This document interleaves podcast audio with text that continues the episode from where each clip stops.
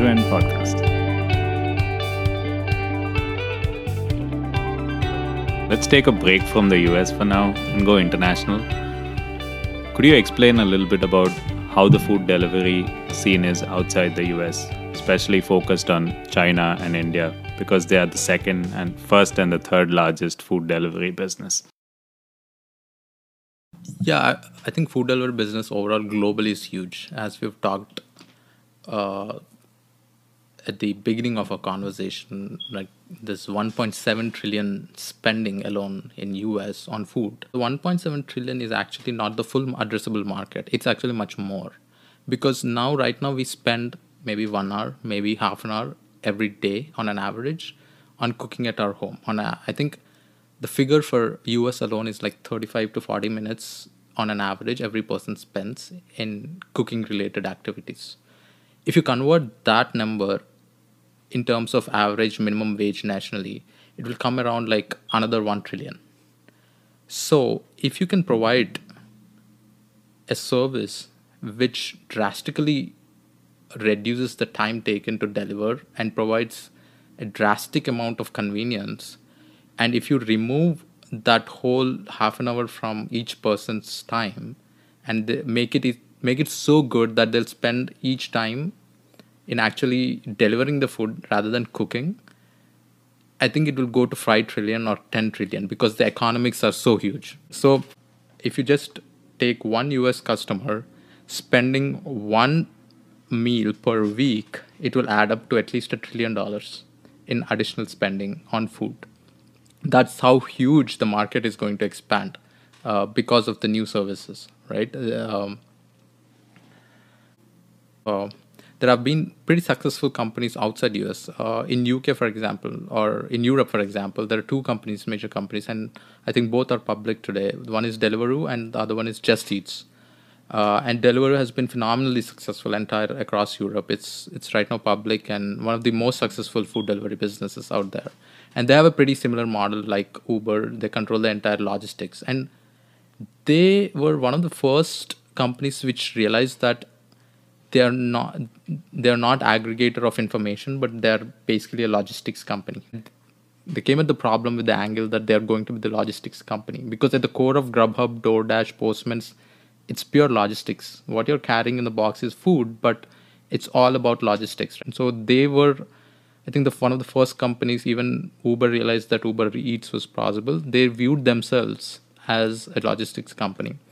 And just eats was like the yelp of uh, Europe. It, it originally started as an information aggregator and then it got into the logistics business. And they both have been successful. China has been a huge food delivery market. I think the highest food delivery business uh, is in China.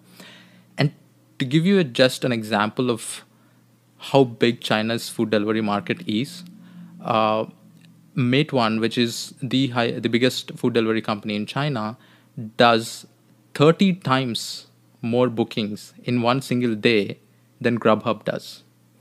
So the scale is 30 times bigger than what Grubhub or, or DoorDash does. But the population of uh, China is not 30 times, right? We are 300 million and they're uh, 1.2 or 1.3 billion. The, their competitor uh, is uh, Ele.me, which is funded by Alibaba. Uh, and uh, Meituan is funded by Tencent. I think Meituan is a public company, and interestingly, Meituan is actually profitable. So they they figured out the economics of it. I think one quarter they posted losses because they've acquired a micro mobility company called Mobike, but in, the first quarter they were public. I think they posted pa- profits. So they've actually figured out and they've scaled to an extent that they could be profitable. And even if you speak anyone who has been in China or, for that matter, India, delivery I think there's a difference in how consumers view delivery in US or developed markets versus in China or India.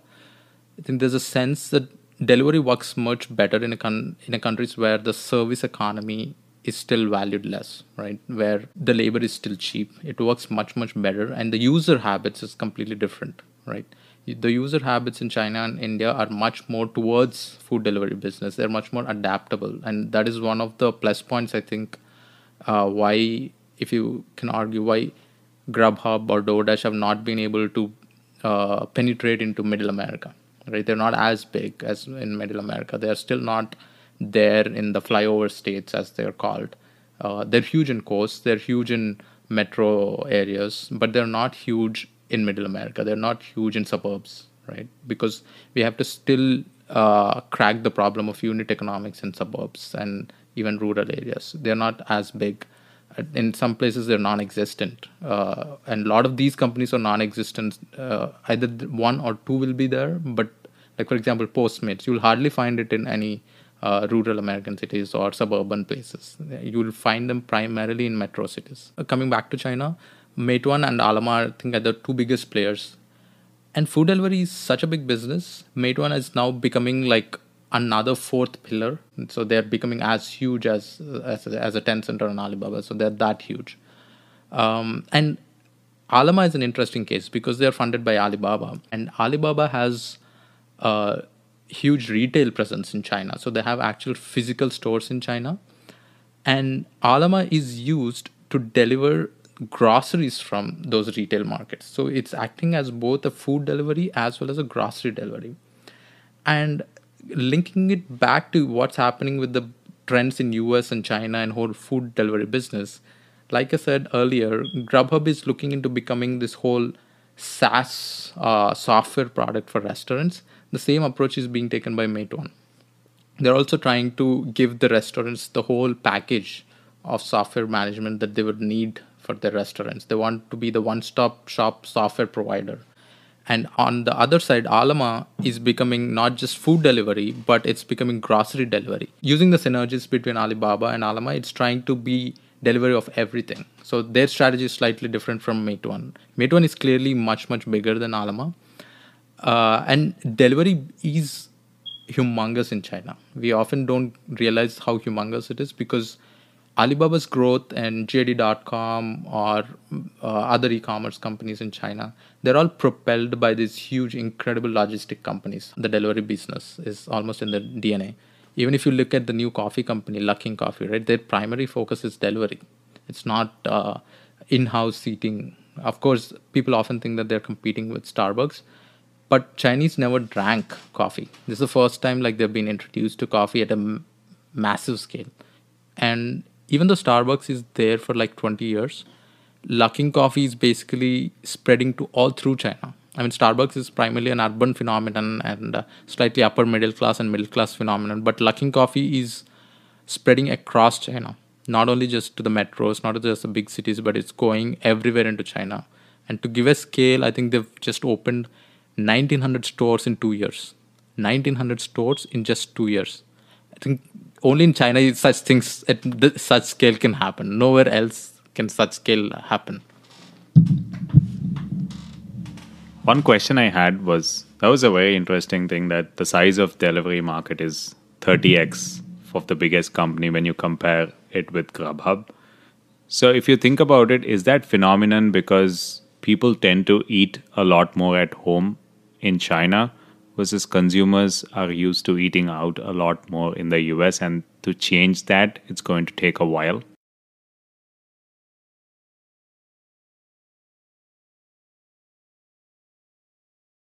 Comes to actually how consumer behavior is right? So i think in us right now a big bottleneck is user behavior. And if you look at how people in us consume versus people in china or india consume or their reaction to new technology or the way technology apps are created or used it's all ties in together because if you see in us versus china if you let's say take a wechat for example right? It's a bundled product. You don't have wechat essentially started as a product you know to person to person communication product but then it evolved into a big ecosystem itself right? You can pretty much live your life on wechat. You can pay your bills you can get money from your friends you have a social component of it right? You there's a there's a lot more uh, businesses that happen using WeChat, WePay, and it's a big ecosystem that forms around any big successful product. And if you now come back to US, we have like seven apps to do what WeChat does, right? You have Facebook, basically the social component. You have Venmo for payments. Uh, if you want to publish your articles, you have a Medium because you can actually have a publishing business on WeChat. So that's how powerful their platform is right now. And you have Patreon, for example. Patreon is like uh, people who are creative and who make videos on YouTube. They ask your users, you know, if you want to pay us, you can pay through Patreon. But that happens on WeChat already. So all of these businesses, like for example, JD.com. JD.com is primarily an e-commerce company, but they also do live streaming. And if you look at live streaming alone, every big tech company has a live streaming side of it. Doesn't matter if it's an e-commerce company or it's a social company. So it just highlights the point that how different the user behavior is between two sides of the world.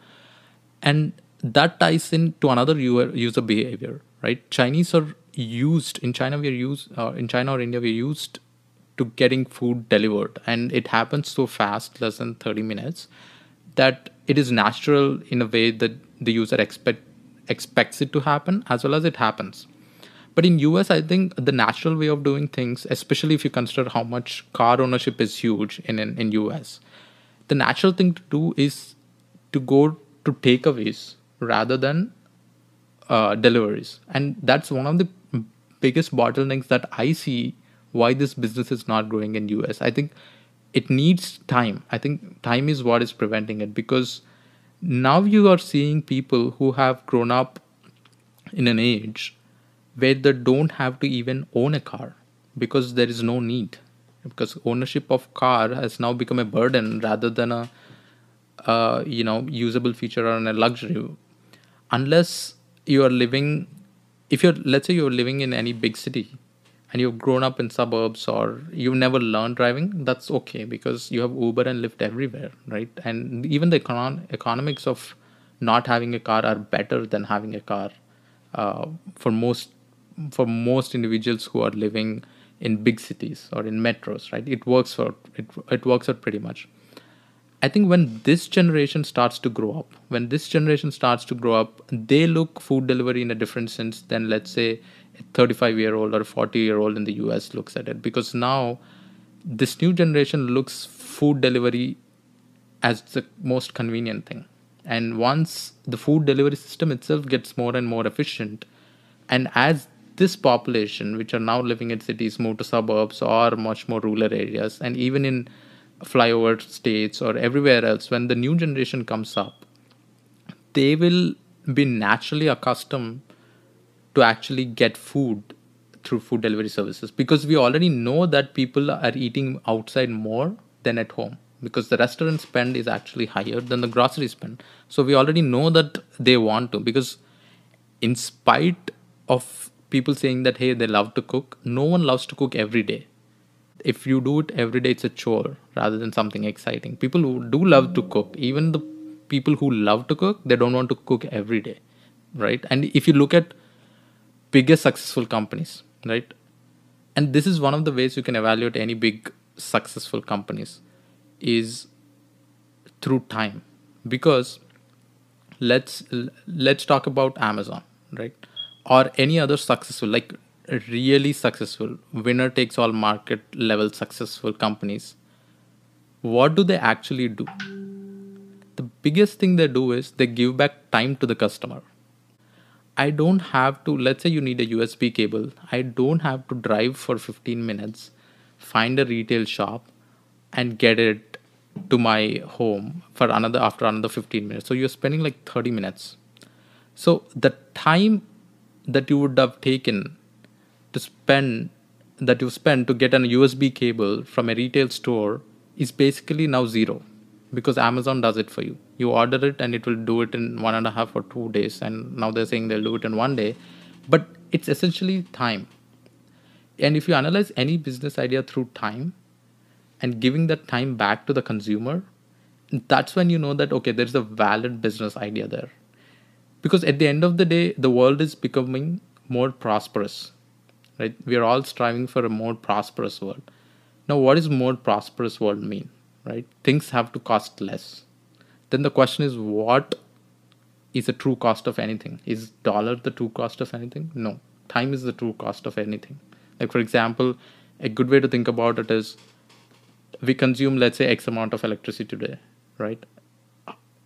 How much time do you have to spend in your office to get enough dollars so that you can pay your electricity provider to get that X amount of electricity? Let's say it's $10 right now.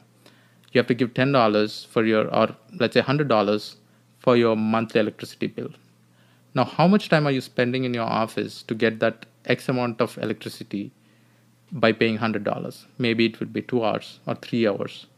Now, go back to 500 years back or like 300 years back, where the artificial lighting is basically through candles, right? There were services through artificial lighting, etc., etc.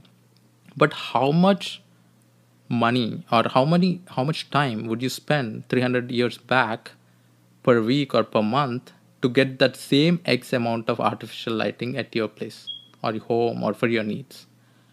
You would have to be the king of that kingdom to get that artificial lighting. So now that is what prosperity is. So what we have reduced is we've reduced the time spent on getting artificial lighting from 300 years it would take you 2 months probably for the same x amount or maybe an year and to basically working for 3 hours to get the same equivalent amount of time.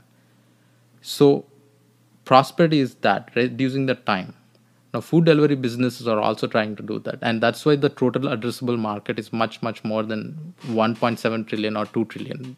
And even if you are not grown up in us and like when you actually come out and live in us you'll realize that people actually eat much more outside here. And we also over time have become like that like we eat much more outside than at home. And you realize that there's a convenience of time and energy that you don't spend thinking about hey what should i make? What groceries should i get? Because it is definitely a tedious task to at the end of the day to get cook at home even if you love cooking right? It's a tedious task. You might as well do something else during that time. And i think in that concept itself lies why so much capital is going into solving this problem right? I think that's a good way of summarizing the whole thing. Hey why are we actually doing this right? Because we want to give more convenience and that makes the whole business model valid.